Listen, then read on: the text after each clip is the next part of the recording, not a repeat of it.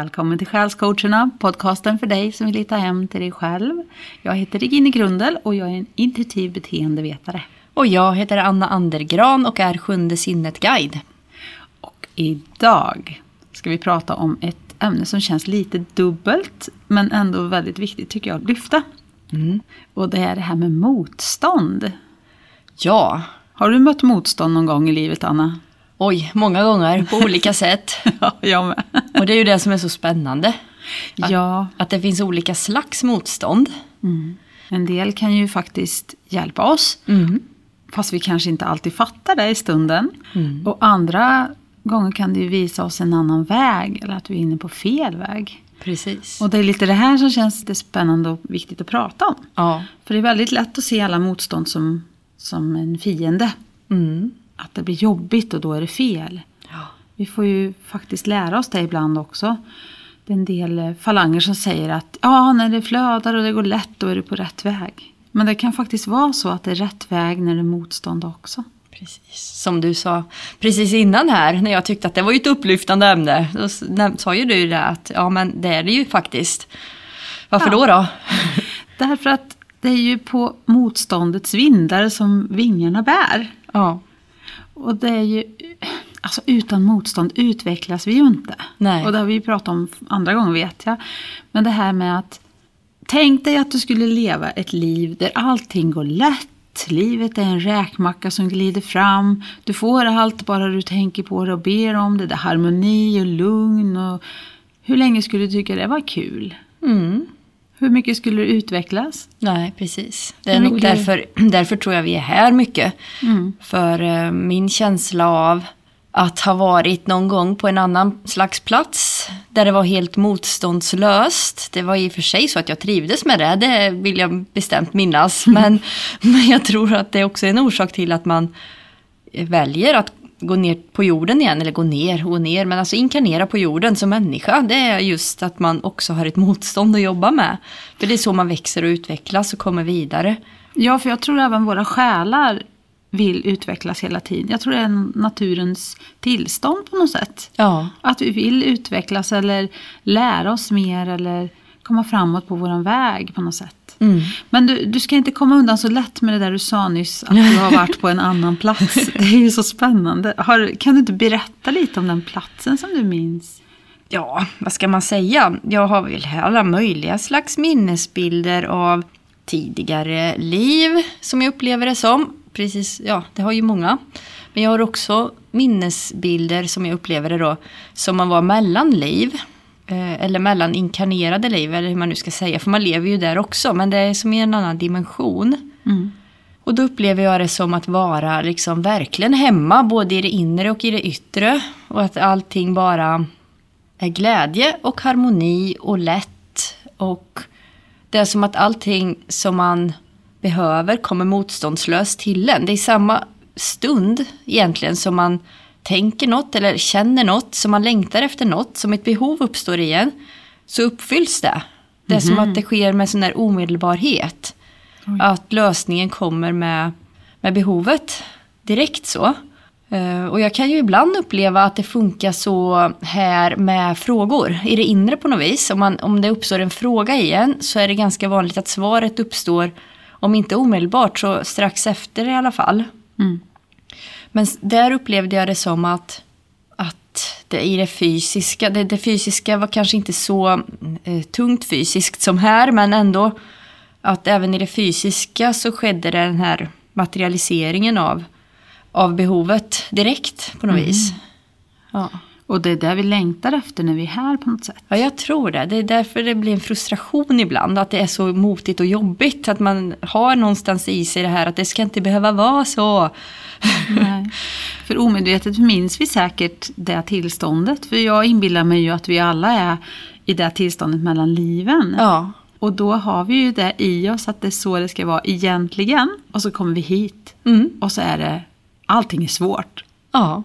Kroppen är tung och lite otymplig. Det tar flera år för oss att lära oss att röra oss Ja. smidigt och gå och prata och allting. Det måste vara en chock för själen att komma in i kroppen. ja. Om vi inte minns från gång till gång, men det verkar inte som vi gör det. Nej, precis. Det är intressant. Ja, mycket. Men du som minns det här, du måste ju ha ännu en utmaning när det handlar om motstånd här i den, den här världen vi lever här.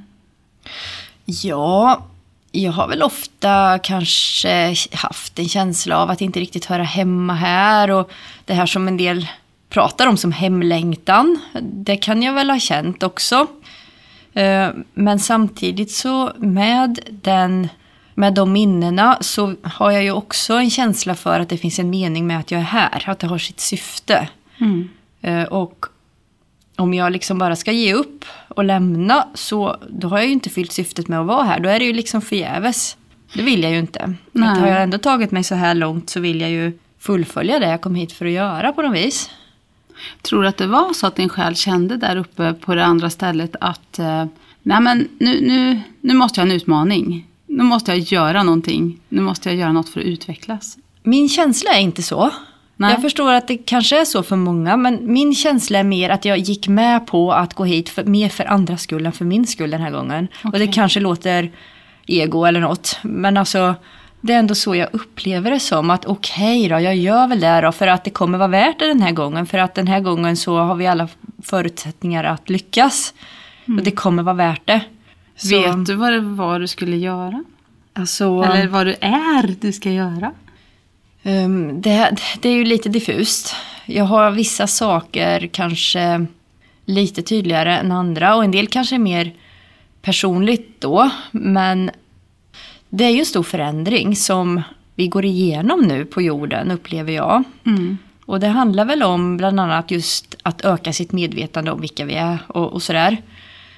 Men jag upplever ju också att vi ska komma närmare det tillståndet som jag var i mellan liven. Att det blir lättare att leva här. Att saker kommer mer lättare. Alltså rätt saker kommer lättare. Att det blir en plats där vi lättare kan må bra. Där fler kan må bra. Att man kan leva tillsammans i harmoni. Där alla kan fullt ut slappna av och vara sig själv. Och må gott och göra det som känns naturligt. Det som livet flödar mot. Att mm, det uppstår en impuls i en, man längtar efter något, någonting vill skapas genom en, eller vad det nu är, eller uttryckas genom en. Och så bara gör man det. Och, och allting på något vis synkroniseras, vad heter det? Ja, men det synkroniseras. Ja, det blir perfekt koordinerat när var och en är i linje med sin själ fullt ut på något vis. Och, eller till och med det gudomliga i en då, eller det universella.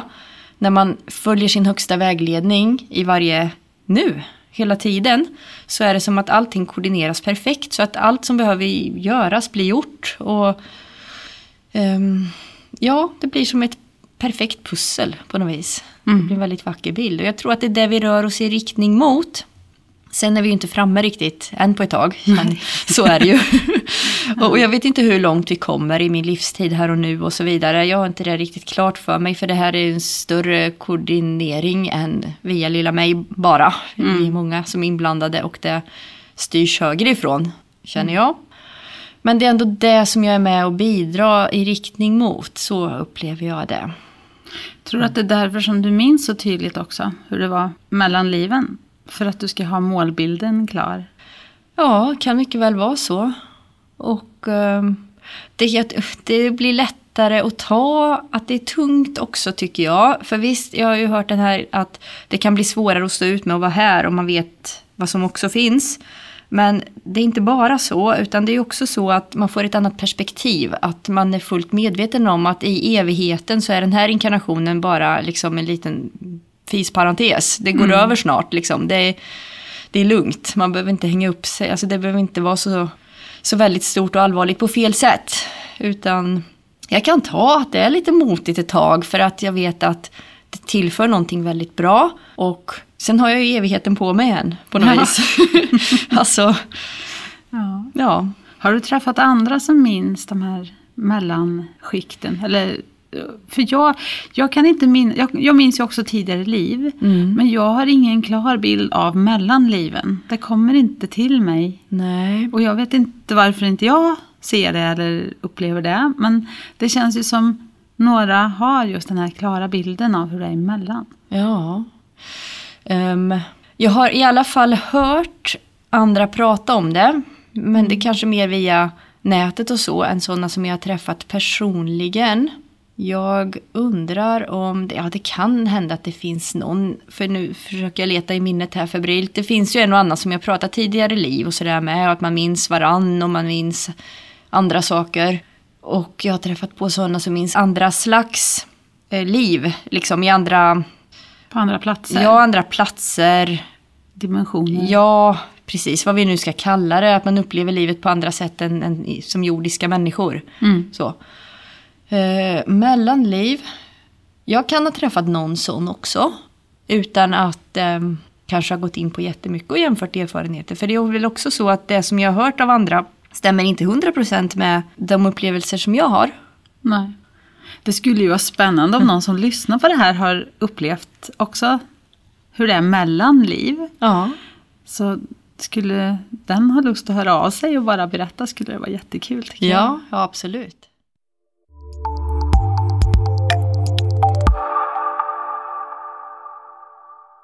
För det är ändå, jag tror att vi omedvetet alla har det här i våra själar. Mm. Och att det är därför vi längtar efter vissa saker här på jorden. Mm. För jag upplever ju att våran längtan är själens kompass på något sätt. Ja. Och att det, det är längtan som får oss att välja vissa vägar, göra vissa saker. Men det är ju också där som det här med motståndet kommer in. Alltså vi har ju massor med utmaningar i livet här. Mm. Och ehm, alltså hur ska man veta om det är en hjälp för oss att växa och lyfta på motståndets vingar? Mm. Eller om det är fel väg? Precis. Om det är en vägledning, du ska gå åt annat håll, det är fel här. Exakt. Det är jätteviktiga frågor att ställa. Liksom kommer motståndet utifrån? Att det är rätt för, för själen att till exempel möta rädslor och växa, utvecklas, lära sig något, det bidrar med något. Och yttervärlden erbjuder motstånd för att man försöker införa någonting nytt i det som är. Eller om det är själens vägledning. Att nej, det är inte rätt för dig. Det, det är För viktigt. ofta hamnar vi ju i rädslor också. Ja, När det handlar om att följa våran själs röst eller följa våran längtan. Så kommer det motstånd. Det kan vara så här, ja men jag har inte tillräckligt mycket pengar. Eller vad ska folk säga? Eller jag kommer aldrig klara det där. Det, det kan vara både inre rädslor och yttre förutsättningar som hindrar oss. Men jag upplever i mitt liv att när jag vågar lita på min inre vägledning och göra ändå. Då, fi- jag, ska inte säga att det blir lättare. Det blir inte lättare, men det känns bättre. ja, För att det här med, med att gå rätt väg, det är så lätt att vi sammankopplar det med mm, ja, mänskliga värden som framgång och pengar och att det ska gå lätt. ja. Men själens önskan att utvecklas kanske inte alls handlar om att det ska gå lätt. Det Nej. kanske handlar om att vinna insikter och erfarenheter och kunskaper. Och det går ju sällan lätt. Vi måste vara medvetna om att när vi följer vår magkänsla, då betyder ju inte det att det kommer vara den enklaste vägen eller en framgångsrik väg i världens ögon eller, eller så. Det kanske inte är så att vi blir rika och får status och eh, mycket bättre anseende i världen utan det kanske handlar om att vi hittar hem till oss själva och det är det som är den stora belöningen. Ja, Så vi måste ju inse det när vi frågar magen om råd precis. eller vårt centrum, vår innersta kärna. Då får vi ju också svaren utifrån de värdena som finns där. Ja, Det tror jag inte är så lätt. Alltså vi pratar ofta om manifestationslagen. mm. Att eh, om jag vill ha en korvett och tänker mycket på den så kommer den. Nej, så enkelt är det ju inte. Jag vet att jag raljerar lite nu. Men jag menar, det kanske är, om jag har en längtan efter en sak så kanske är lärdomen dit som är den stora, stora vinsten. Och det måste vi förstå. Mm, precis. Så om det nu är så att man känner en stark längtan efter en Corvette och man faktiskt manifesterar in den i sitt liv, då kanske det senare visar sig att det var inte korvetten i sig som var syftet, utan att man skulle lära sig att jag blev inte lycklig ändå, Nej, till precis, exempel. Precis. Det var inte där lyckan fanns. Nej. Nej, det är viktigt det där. Mm. Och samtidigt så ibland undrar man ju över syftet med vissa motstånd också. Mm. Det är inte alltid det är lätt att, att veta varför är det här så svårt? Varför går inte det här något lättare? Det här borde ju vara enkelt eftersom jag tror att jag ska göra detta. En sån sak var ju när jag skulle lära mig läsa. när jag var liten. Jag hade jättesvårt att lära mig läsa. Min lärare fick kämpa hårt med mig och, och jag fick gå på läsklinik i flera år och sådär.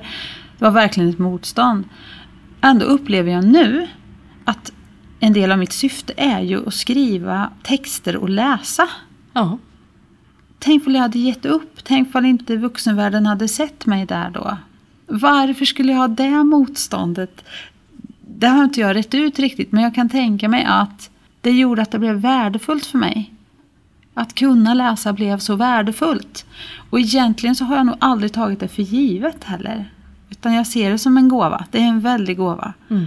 Att kunna skriva och kunna läsa. Och därför har jag också blivit väldigt noga med det. Jag, jag tycker det är viktigt att skriva rätt, använda rätt ord, uttrycka sig på ett sätt som verkligen eh, förklarar det jag verkligen vill mena.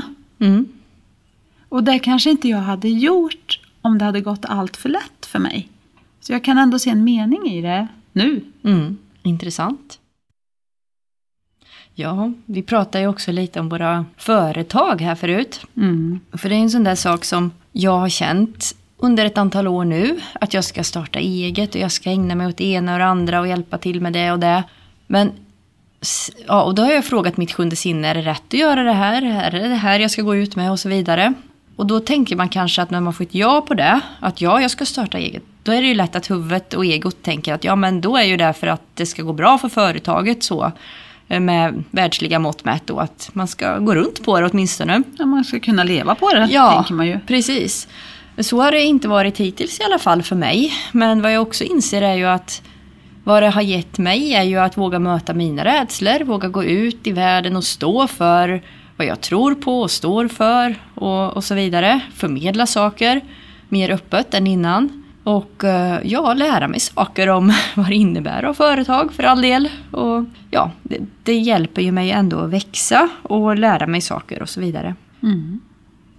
Och sen tänker jag att du har fått ehm, ett, utrymme, ett eget utrymme att växa i också. Mm. I och med att du har satsat på ett kontor, du har ett kontor där du kan åka och, och klura och fundera på Ja. vad du vill erbjuda i världen. eh, Och hitta tid och, rum och ro att växa utan att behöva tänka på andras behov en stund. Ja, men så är det ju. Det har blivit en liten, en liten frizon. En, där jag kan ha ett litet kreativt utrymme. Ett egen tid. Det har kanske blivit mer så. Det kanske har varit det som har varit det viktiga syftet. Än så länge i alla fall. Ja, för att hade du inte gett dig den tiden då kanske du inte hade växt på det sättet som du som jag också ser att du har gjort de Ja. sista åren. Nej, så kan det vara. Man vet aldrig vad syf- syftet är Nej. när man följer magens röst eller själens röst. Nej, Då så här, Jaha, nu, nu ska det här bli framgångsrikt. Nu ska jag göra det här. Ja. Och så blir det inte framgångsrikt på det sätt man tänkte sig. Nej, det är viktigt då att man, att man fortsätter att lita på att själens röst då leder en rätt. Eh, För att det är annars lätt att egot går in och tycker att ja men det funkar ju inte. Ja. Jag kan inte lita på det där. Nej. Och det är fel slutsats att dra då för att syftet kan ju vara som sagt något annat än det man tänker och tror att det ska vara. Alltså, Livet är som ett pussel tycker jag. Och, och alla erfarenheter och, och upplevelser man får, de blir som pusselbitar. Men det är inte alltid man ser hur de hänger ihop. Utan det kan vara, det kommer plötsligt en insikt långt, långt senare. Jaha, men nu ser jag hur de hänger ihop. Det var ju därför jag skulle ha den pusselbiten och därför jag skulle förstå det där eller ha den erfarenheten. Men, men det här just med företag, det är någonting som många drömmer om tror jag. Och som många tänker att om jag bara får jobba med det som jag brinner för så kommer jag bli lycklig. mm. Och jag har ju tänkt så också. Jag har haft en dröm om att leva på mina andliga resurser, eller vad man ska kalla det för, sedan 2007 när jag startade mitt företag som heter Framsteget då, på Bolagsverket i alla fall. Och sen har jag ju jobbat i olika perioder med att försöka få det att växa, få det att bli mer, kunna leva på det och haft det som en dröm. Och nu som jag berättade i ett annat avsnitt så i höstas här så bestämde jag mig för att nu ska jag satsa heltid. Nu ska jag göra själens röst på heltid och försöka få igång det så att jag kan leva på det. Och 14 dagar efter det så kom coronarestriktionerna i november. Och då var det snack om motstånd. Så jag tyckte ändå jag fick igång, fick lite bokningar, jag hade en sån här äh, startgrej. Och tyckte att det ru- rullade på bra och sen ja, kom det där. Stopp. Mm. Jaha. Ingen vågar komma. De flesta vill ändå komma på personligt besök. Har jag upplevt. Mm. När de vill ha konsultation. Ehm, så då fick jag ju fundera på. Vad vill det här säga mig? Och vad vill jag? Och är jag på rätt väg? Och alla de här frågorna man får när det är motstånd. Men då tänkte jag. "Ah, Jag kört till sista januari. Jag kört till sista januari och känner på det. Men så kände jag att. Vad vill jag egentligen? Mm. Håller jag på och håller liv i en gammal dröm nu? Är det verkligen det här jag ska göra? Är det här min väg? Eller var det min väg för ett tag sedan? Mm. Så då var jag tvungen att göra en, en check igen. Och det var en jättejobbig grej. Och andas hem till sig själv, centrera sig och ställa den frågan. Är det det här jag ska fortsätta göra? För det har ju varit det förut. Det var ju det i oktober-november. Mm. Men det var ju inte det. Nej. Inte på det sättet som jag gör det idag. Och då blev ju en dröm krossad. Samtidigt som jag också kände en lättnad. Någonstans så kändes det lite skönt att slippa den här känslan av att man hela tiden ska jaga efter något. Mm. Man ska jaga inkomster, man ska jaga kunder, man ska jaga nya kunskaper, man ska jaga nya pitchar till någon Facebook-inlägg. Du vet. Ja. Ehm, och sen när jag släppte det så kände jag att det var som att axlarna sjönk 10 centimeter och jag bara kände ja men jag är nog färdig med det här. Och då tog jag beslutet att jag skulle gå tillbaka till min bror och jobba från första april. Och eh, köra Själens röst på fredagar en period framöver. Men i långa loppet så tänker jag att jag ska lägga ner mitt företag. Och eh, bara ha liv i det då till årsskiftet ungefär. Eftersom det är vissa saker som inte jag kan avsluta direkt. Men det känns som en lättnad. Men så kommer det här utifrån, den här förväntan och det här jättefina stödet också. Men Regine, du behövs där ute. Mm. Du ska göra det här, du ska fortsätta med det här, du är bra på det här. Och jag blir så glad för den uppmuntran som det är. Men i början blev jag osäker på mitt beslut då. Ja. Och kände att "Nå, nej, men nu kanske jag sviker mig själv och jag kanske ändå ska göra det här lite mer. Då fick jag gå hem igen och känna Ja, men det är rätt för mig. Jag kan inte prata om framtiden. Jag kanske tar upp det här igen framöver, jag vet inte. Men nu är det rätt för mig att släppa den här drömmen. Det är dags att gå vidare. Det är dags att drömma nya drömmar. Följa nya eh, vägledningar ifrån själens innersta kärna. Mm. För det här motståndet som jag upplevde nu senast, det har varit annorlunda på något sätt. Det, det har inte fått mig att växa. Det har fått mig att tappa istället. Mm. Och det tror jag också är en liten vägledning. Om du följer själens röst och du följer din väg och du upplever motstånd. Men du känner att du övervinner motståndet och växer av det. Mm. Då är det ju bra för dig. Men om du känner att du möter på samma typ av motstånd hela tiden och så har det verkligen varit. Det är samma typ av motstånd. Och jag tycker att jag övervinner det varje gång. Men det kommer tillbaks och det kommer tillbaks. Mm. Och då kände jag ju att det här är, det är ett motstånd som säger mig att den här drömmen är klar nu. Mm. Så nu är det nya drömmar som gäller. Och jag vet inte riktigt vad framtiden har i sitt sköte för mig. Men jag är öppen för det. Mm. Och jag känner att jag är fri att följa det nu. När jag inte är fast i en gammal dröm. Som är dags att säga hej då till. Med lite sorg i hjärtat. Men det känns ändå bra. På tal om motstånd. Ja, precis. Vi har ju en tendens att eh, värdera våra framgångar, särskilt när det gäller våra drömmar om vad vi ska göra med vårt liv, i pengar och status. Men vi, det är ju inte det. Vi lär oss så enormt mycket. Vem kan värdera kunskap i pengar och status? Ja, nej, det går ju inte. Så är det. Så är det. Sen behöver man väl som jordisk människa en viss mått av pengar och materiellt för att det är så det fungerar för att överleva här Mm. på något vis. Men eh, det behovet kan man ju täcka på många olika sätt. Ja, och jag tror att om, om vi har svårt att överleva på våran dröm, att det, som det har varit för mig, då tar det så mycket energi Ja. att försöka att få det att gå ihop när det gäller ekonomi och, och hyra och mat och allt sådär. Så att det liksom förtar glädjen i det. Ja. Och det förtar utvecklingspotentialen personligt sett i det. Mm. För det blir mest bara oro eller jakt på mer eller... Min känsla är ju, om jag får min inkomst på annat håll så är jag mer fri att utöva mina drömmar och min längtan den övriga tiden för att då är inte de bundna till pengar. Nej. Utan då handlar det om vad jag längtar efter, vad jag vill göra. Mm. Och sen är det klart att en del drömmar kostar pengar och så är det. Ja. Men har man då en inkomst vid sidan av kanske man åtminstone kan börja spara till den drömmen. Mm. Ja, men jag landar ju i något liknande med min verksamhet också. För jag hade väl kanske något år, eller om det var ett par, som jag ägnade helt åt min verksamhet också. Mm. Och det blir ju snabbt en stress när, när besparingar krymper och man inte vet när det kommer att komma in något nästa gång. Så det, jag upplever också det att det var jätteroligt i början och framåtdriv och kreativitet och glädje och så. Men sen blir det också att stressen smyger sig in och då blir det snabbt fel slags energi och syftet blir fel. Så jag har ju också upplevt en stor lättnad sen när jag gick tillbaks till att vara anställd och i och för sig på deltid då för att fortfarande ha lite space för, för det jag vill göra bredvid också. Men just för att ha inkomsten tryggad. Det, det gjorde stor skillnad för mig också och känna att då, då kan man ta bort all stress i det egna. För det har inte jag än så länge känt att det varit rätt att helt lägga ner verksamheten. Men att det blir mer kravlöst och man kan göra det i sin egen takt och på sitt eget sätt och på det sätt det känns rätt och när det känns rätt. Och, och drar man inte in något så gör det inget. Utan det blir mer Det blir en frihet i fritt det. och kravlöst. Och det är där som man är skapande. Ja. Och det är nog det jag har känt att det här är kreativiteten och glädjen och friheten i drömmen försvann.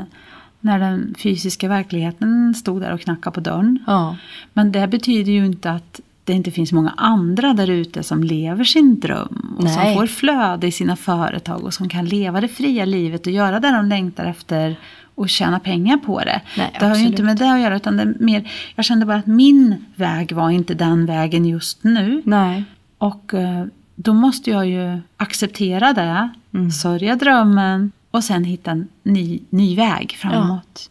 Men det här, så här är det ju i livet, det går ju vågor. Jag har ju upplevt det här motståndsvågen på många sätt, på olika sätt. Och sen släpper det och så går det lättare. Mm. För jag vet även när jag gick min utbildning till eh, beteendevetare eller ja, socialpsykolog på Skövde högskola.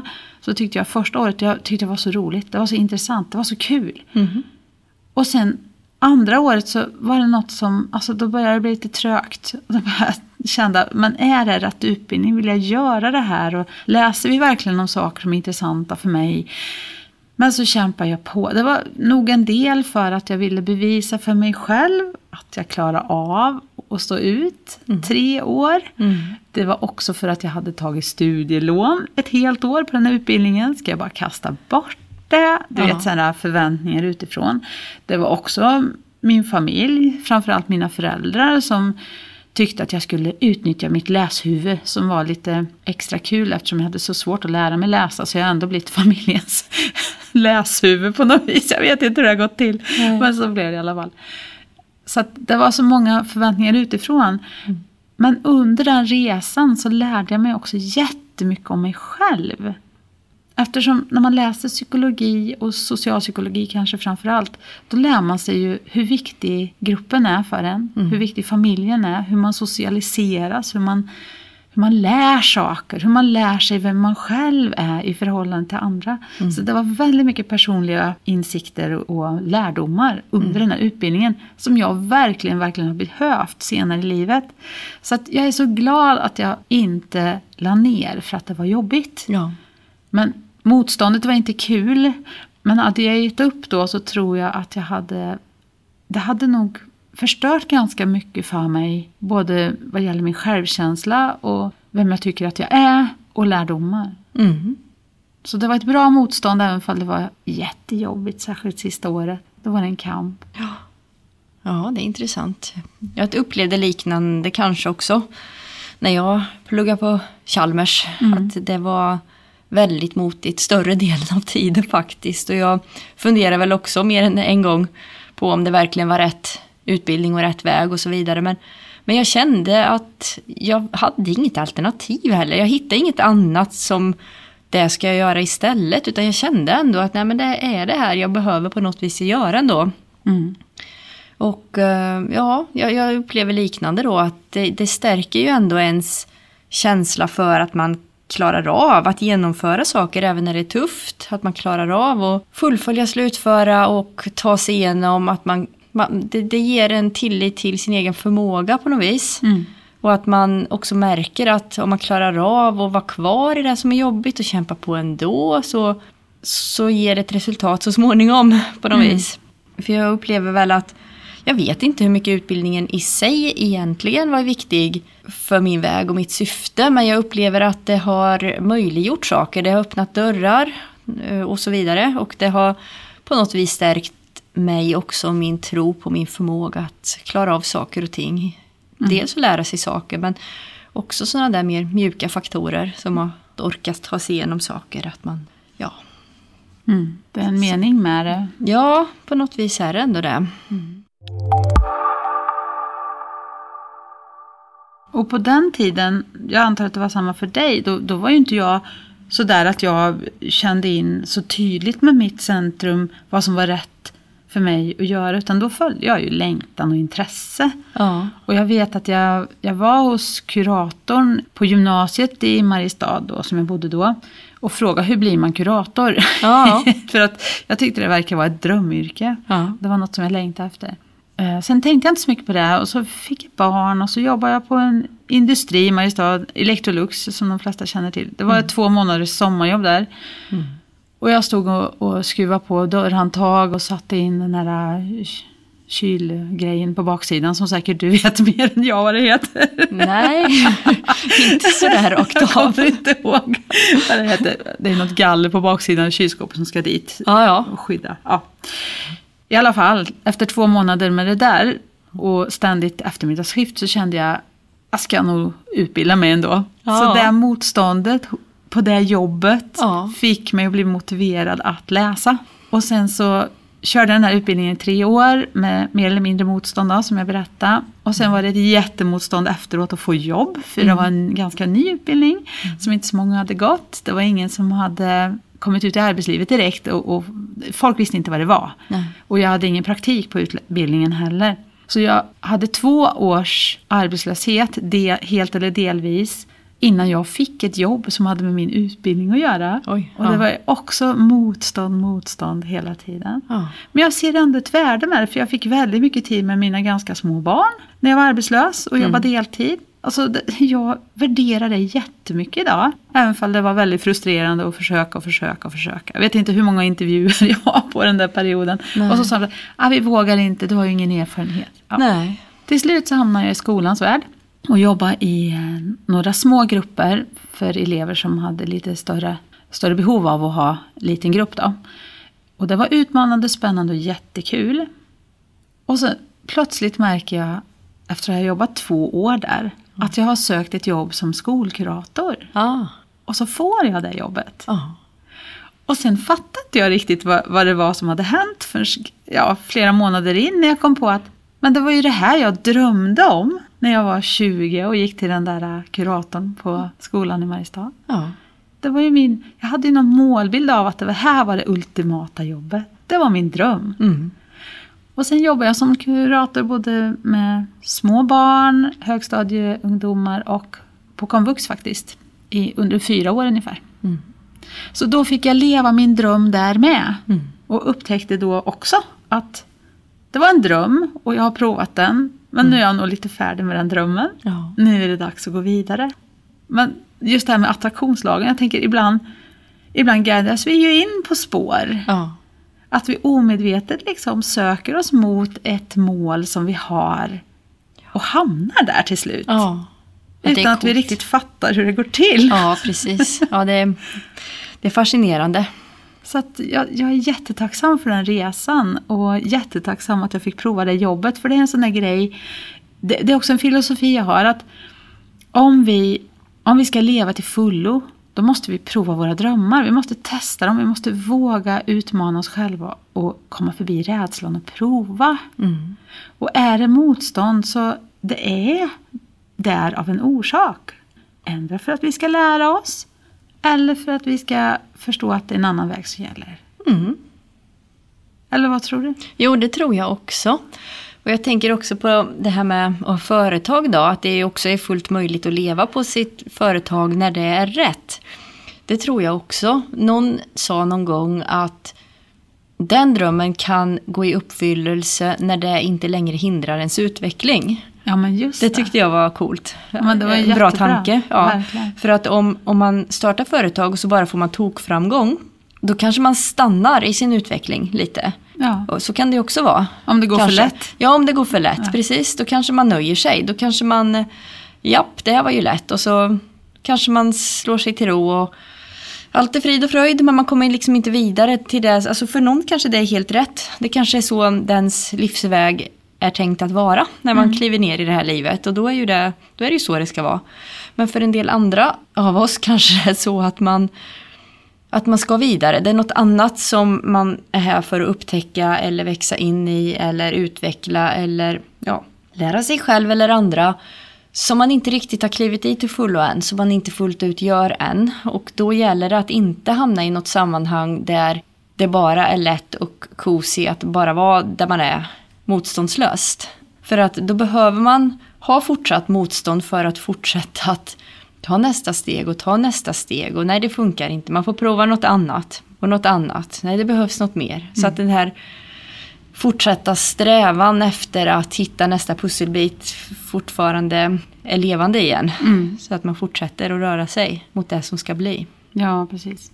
Och för sakens skull kan vi ju säga att det är klart att man kan ha framgång med sitt företag och att det kan vara mening i det just för att man ska ha möjlighet att utvecklas. Absolut. Gå ny, nya kurser, nya utmaningar på kunskapsnivå liksom. Ja. Också. Så att det, det ena utesluter ju inte det andra, men jag förstår hur du menar. Ja, Att nej, går, det, går det för lätt så, det är ju som vi säger, det är motståndet som skapar lärdomarna. Ja, nej, det, det jag väl också menar är att det är olika för alla. Att det finns ju inte en, ett generellt svar egentligen att, ja, som gäller för alla. Utan Nej. eftersom vi alla är här med unika syften och med en unik livsplan, tror jag då, eh, så, så behöver det bli på olika sätt också.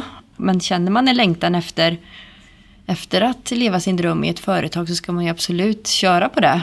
Ja, ja, följ, följ den känslan du har i ditt centrum. Ja, för då blir det ju som det ska oavsett vad det innebär.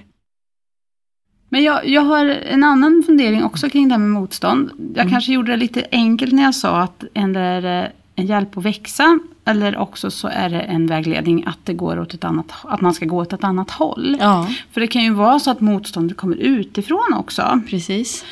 Och ibland har jag ju upplevt, det känns nästan ibland som att det är någon slags energi på utsidan som, som trycker tillbaks möjligheten att växa Ja. hos mig. Mm. Och det kanske också är därför att jag ska lära mig något självklart. Kanske hitta min egen kraft och Mm. våga utmana det motståndet. Så det motsäger ju inte det. Men jag har ju upplevt att vi har fått jobba en del med balansering och så med, med våra, det som vi vill göra, du och jag tillsammans. Ja. Och att eh, nästan så att det har varit en filt över ibland Mm. med ett motstånd. Att nå ut framför allt. För det är det, mitt stora motstånd i livet och även i företagandet. Och jag kan uppleva det med podden också. Det är det här motståndet att nå ut. Ja.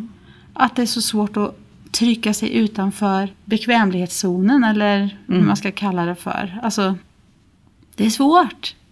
Upplever du samma sak? ja, men absolut. Jag har ju jobbat med det som sagt och känt in att det kan finnas yttre motstånd och så. Och då, det är det här som är viktigt att känna. Vad är det för slags motstånd? Och det, det är ju sjunde sinnet igen. Man får göra sitt bästa för att centrera sig och känna in. Är det rätt att fortsätta göra det här? Ja, okej. Finns det ett motstånd utanför mig själv att förhålla mig till? Ja, okej. Och då kanske det handlar om att, som sagt, kliva i sin kraft ännu mer, sätta gränser ännu tydligare. För jag tror att jag har varit lite kanske naiv med det och, och tänkt att men vi är fria allihop och det är vi förstås. Men vi kanske måste claima den friheten ibland. Mm. Att vi behöver vara medvetna om att det är så. Vi behöver liksom kräva den för oss själva. Att jo, jag är fri och jag har rätt att göra det här Mm. och förmedla det här och så vidare. Och ingen annan har egentligen rätt att hindra min väg. Så. Men det finns ju kanske de som vill det, som använder sin fria vilja till att försöka kontrollera andra på olika sätt då. Med olika slags metoder. Och då, då gäller det att, eh, att bestämma sig för att man väljer det ändå. Och att vara medveten om att det där utifrån motståndet finns. Och att ingen har rätt att välja i mitt liv mer än jag. Um, och det, det är nog något man också behöver växa in i att lära sig och förstå och ta på allvar. I alla fall är det en viktig lärdom för mig tror jag på min väg att bli ännu starkare i sin kraft och i sitt eget val. Mm. Så, inte bara åka med och, och lita på att andra alltid vill väl. Utan att bestämma sig för sin väg. Ja, det där med naiv syn på tillvaron, det, det känner jag igen. För i min... Oh, jag önskar ju att alla vill alla gott. Ja. Och jag önskar att alla vill hjälpa varandra och vill att alla ska få synas och alla är lika värda. Och, Mm. och sen så då kraschlandar man ju ofta med verkligheten om man går och tror att det är så. För det finns energier som inte vill att vissa röster ska bli hörda, att vissa ljus ska synas, att vissa människor ska bli kraftfulla. För att det hotar liksom något. Ja, det är någon energi som vill hindra för att det är hotfullt för den energin. Mm. De krafter som vill styra, kontrollera eh, enligt sina egna, sin egen vilja liksom. Så, Mm. Som vill styra andra. De blir hotade då. Om, om andra blir medvetna om, om alla blir medvetna om sin egen kraft och sin egen fri, fria vilja. Då finns det ju ingen att kontrollera och styra längre. Så de krafter som Nej. vill det vill ju naturligtvis inte att det ska få för mycket luft under vingarna. Och det som slår mig nu, det är ju i samhället vi lever i idag så upplever jag att det är väldigt mycket polarisering och det är väldigt mycket åsikter om allt och om varandra. Och det är väldigt mycket rädslostyrt. Mm. Och det tycker jag är en viktig process som vi är i, i världen. För det finns jättemycket rädsla omkring oss. Och då betyder det ju, om vi ser det som ett motstånd, att vi också har möjlighet att lära oss om vår egen rädsla. Mm. Och som Emma pratade om förra gången, det här med att våga gå in i sitt eget mörker. Mm. Att våga möta sin rädsla. Vad är det jag är rädd för? Är det det som skapar mitt motstånd? För det är också viktigt att, att förhålla sig till, som du sa förut, kommer motståndet inifrån mig? Eller kommer det utifrån? För jag måste handskas med det på olika sätt. Mm. För kommer det inifrån mig, då behöver jag göra ett inre arbete. Titta på mig själv. Frigöra mig så gott jag kan ifrån det som hindrar mig. Alltså möta mina rädslor, möta mitt motstånd, titta på varför det skrämmer mig. Göra den resan. Men är det på utsidan, då måste jag ju förhålla mig till min egen kraft istället. Mm. Då måste jag ju se till så att jag inte tillåter det på utsidan att trycka ner mig. Mm. Och då kan det betyda att jag måste hitta min kraftkälla på insidan och verkligen hålla mitt ljus, hålla min styrka och kanske till och med utmana det där som försöker trycka tillbaks. Mm. Kanske inte bara hålla det utan pressa det längre bort. Mm. Och det, det känner jag lite att vi har gjort arbete med du och jag. Just det här med att försöka hålla ljuset och eh, energin i podden. Mm. Försöka hitta våran väg, göra på vårat sätt. Synas och höras på ett sant sätt som känns bra för oss. Och hålla den här, det här svåra att nå ut. Hålla det här motståndet stången liksom. Och fortsätta. Mm. För det här är roligt. Ja, men det är ju det. Ja.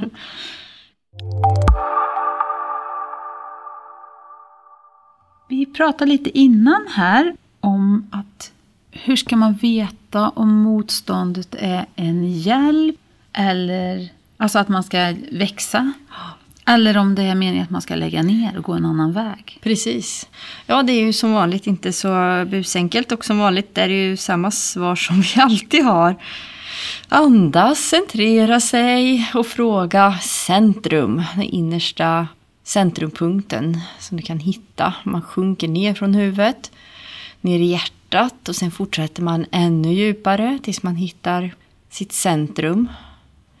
Där man också då är, förhoppningsvis är både jordad och himlad. Att man har kontakt med jorden och med kroppen och med sin högsta vägledning. Och så känner man svaret där i mitten av sig. Och eh, har man svårt att hitta det själv så kan man ju gå och ta hjälp av någon annan. Men det är bra om man åtminstone kan ha någon känsla själv för, för, för man vet, alla vet, alla har det här vetandet inom sig. Så det är bra om man kan man, man, får hitta sitt eget sätt om man går ut och går i naturen eller vad som helst. Eller man står och duschar eller något. Och liksom bara låta det här svaret uppenbara sig igen. Sen kan man ta hjälp av andra och bekräfta det. Till exempel be någon som man litar på har tillgång till sitt sjunde sinne. Kan du bekräfta om jag hittat rätt svar för mig på en viktig fråga här nu? Man mm. behöver inte ens tala om vad det är. För då kan man ju kanske leda den andras huvud i någon riktning. Mm. Eller hjärta eller vad det nu är. Utan så. Då, då, det kan vara ett sätt att känna sig trygg i att man har hittat sitt rätta svar. Men sen är ju längtan som vi sa, det är en viktig vägledare också. Är det så att ja. man längtar till någonting men man inte törs för man är rädd för andras ska tycka och tänka och så vidare. Eller man längtar ur någonting men man är rädd för vad andra ska tycka och tänka eller hur det ska bli. Så längtan är en viktig sån nyckel för den kommer som jag upplever det just ur sitt djupaste centrum, ur sin själ. Den där sanna längtan, den där innerliga längtan. Inte de här drömmarna och fantasierna man kanske har i huvudet som till viss del kan vara programmerat av reklam och grejer. Utan den här in, inre, genuina, råa längtan. Den är viktig. Ja. Och sen tror ju jag att vi har möjlighet att få hjälp av det högsta. Mm. Om vi ber om det. Absolut. Och om vi känner osäkerhet inför nästa steg på vår väg eller om vi ska stanna där vi är eller hur det är och vi inte riktigt är redo att känna in i vårt centrum, vi är inte där kanske. Vi kan ändå be om hjälp att få förstå ja. vilken väg som är rätt. För det, det, visar sig ofta genom synkronicitet eller att det dyker upp en människa som säger någonting som är just precis det vi behöver höra eller att någon eh, påminner om centrering eller ja. vad det nu är. Alltså, så vi ska inte vara rädda att be om hjälp uppåt och neråt. Nej, precis.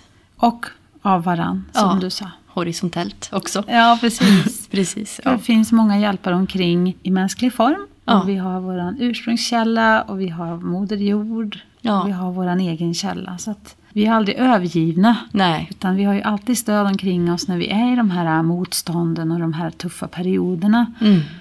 Och då gäller det att komma ihåg det. Ja, ja det är viktigt. Jag tänkte på det också när du eh, pratade om din verksamhet och att man ibland jagar en gammal dröm. För det är ju den andra sidan av myntet lite grann. Att dels kan det finnas en längtan till något eller från något och så finns det yttre motstånd kanske att följa det. Men det kan ju också vara så att när det är själens vägledning som innebär ett motstånd så kan det ju vara att det är någonting som har varit rätt. Och man har följt det och man har jobbat för det, för att det har varit rätt. Och plötsligt så finns det ett nytt slags motstånd för att det inte längre är rätt. Mm. Då, då, är det mer själens vägledning. När man fortsätter att pusha för någonting som har spelat ut sin roll och fyllt sitt syfte i, i sitt liv. Mm. Då kan det vara det här att det är själens vägledning man upplever att nu är du klar med det här. Nu, mm. är, nu är det liksom fullbordat. Då, är det mer, då, då, får man gå på djupet. Finns längtan, den här råa innerliga längtan, finns den fortfarande verkligen kvar? Eller förutsätter jag bara att det är min dröm för att det har varit det? Jätteviktigt, jätteviktigt. Ja. Mm. För att vi kan mm. ofta vara vi har programmerat oss själva att tro att vi är en speciell typ av person. Ja. Eller att vi har speciella typer av drömmar. Mm. Eller att vi ska göra speciella saker i det här livet. Så har vi bestämt det, kanske för länge, länge sedan. Men det är ju inget som säger att det är aktuellt idag. Nej. Jag tror att allt vi gör har ett bäst före-datum för att mm. det finns ett syfte med det. Mm. Och när vi har lärt oss det vi ska lära oss, upplevt det vi ska uppleva av att ha den drömmen eller längtan. Då är det dags att gå vidare till nästa steg. Precis, för livet är ju, det ligger i livets natur tror jag, att livet är föränderligt och rörligt. Och levande helt enkelt. Ja. Ja, så, ja vi ska skapa saker, men när det är fullbordat så ska vi kanske skapa andra saker. Det var väl perfekt att avsluta med. Ja. ja. Jag känner att vi har pratat eh, om väldigt viktiga saker. Jag hoppas att de som lyssnar har fått ut lika mycket av det som jag har fått ut av det. Ja, hoppas jag med. Och så tar vi nya friska tag nästa avsnitt med Ja, ett nytt vi. spännande ämne. Ja, Så önskar vi alla där ute en underbar period tills vi ses igen. jajamän. Ha det så gott. Ha det bra. Hej då! Hej då.